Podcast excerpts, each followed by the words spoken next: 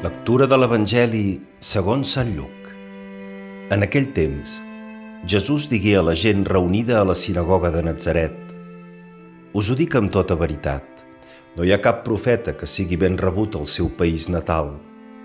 En temps d'Elies, quan el cel, durant tres anys i sis mesos, no s'obrí per donar pluja i una gran fam s'apoderà de tot el país, ben segur que hi havia moltes viudes a Israel – però Elies no va ser enviat a cap d'elles, sinó a una viuda de Sarepta de Sidó.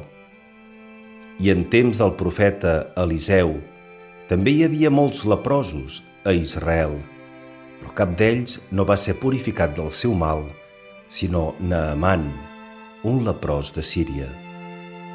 En sentir això, tots els qui eren a la sinagoga, indignats, es posaren a peu dret el tragueren del poble i el dugueren cap a un cingle de la muntanya on hi havia el poble per estimbar-lo. Però ell se n'anà passant entremig d'ells.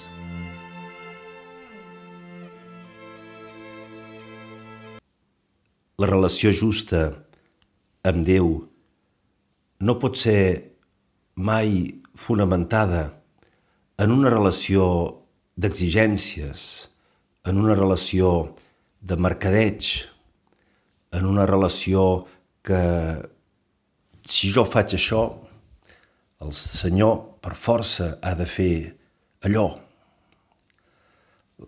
Tampoc és una relació complicada.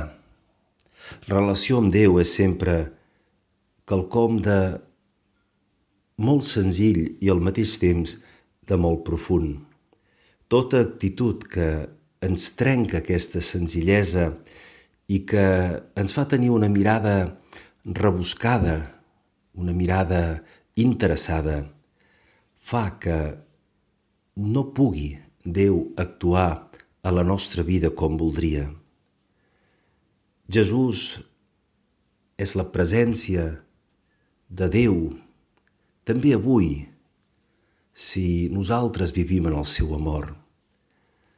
Els cristians fem possible que Jesús continuï passant pels carrers d'aquest món i si ens estimem tal com ell ens ha estimat i estimem amb aquesta mesura d'amor tots els nostres germans, obrim canals de gràcia en moltes direccions i qui obre el cor se'n beneficia.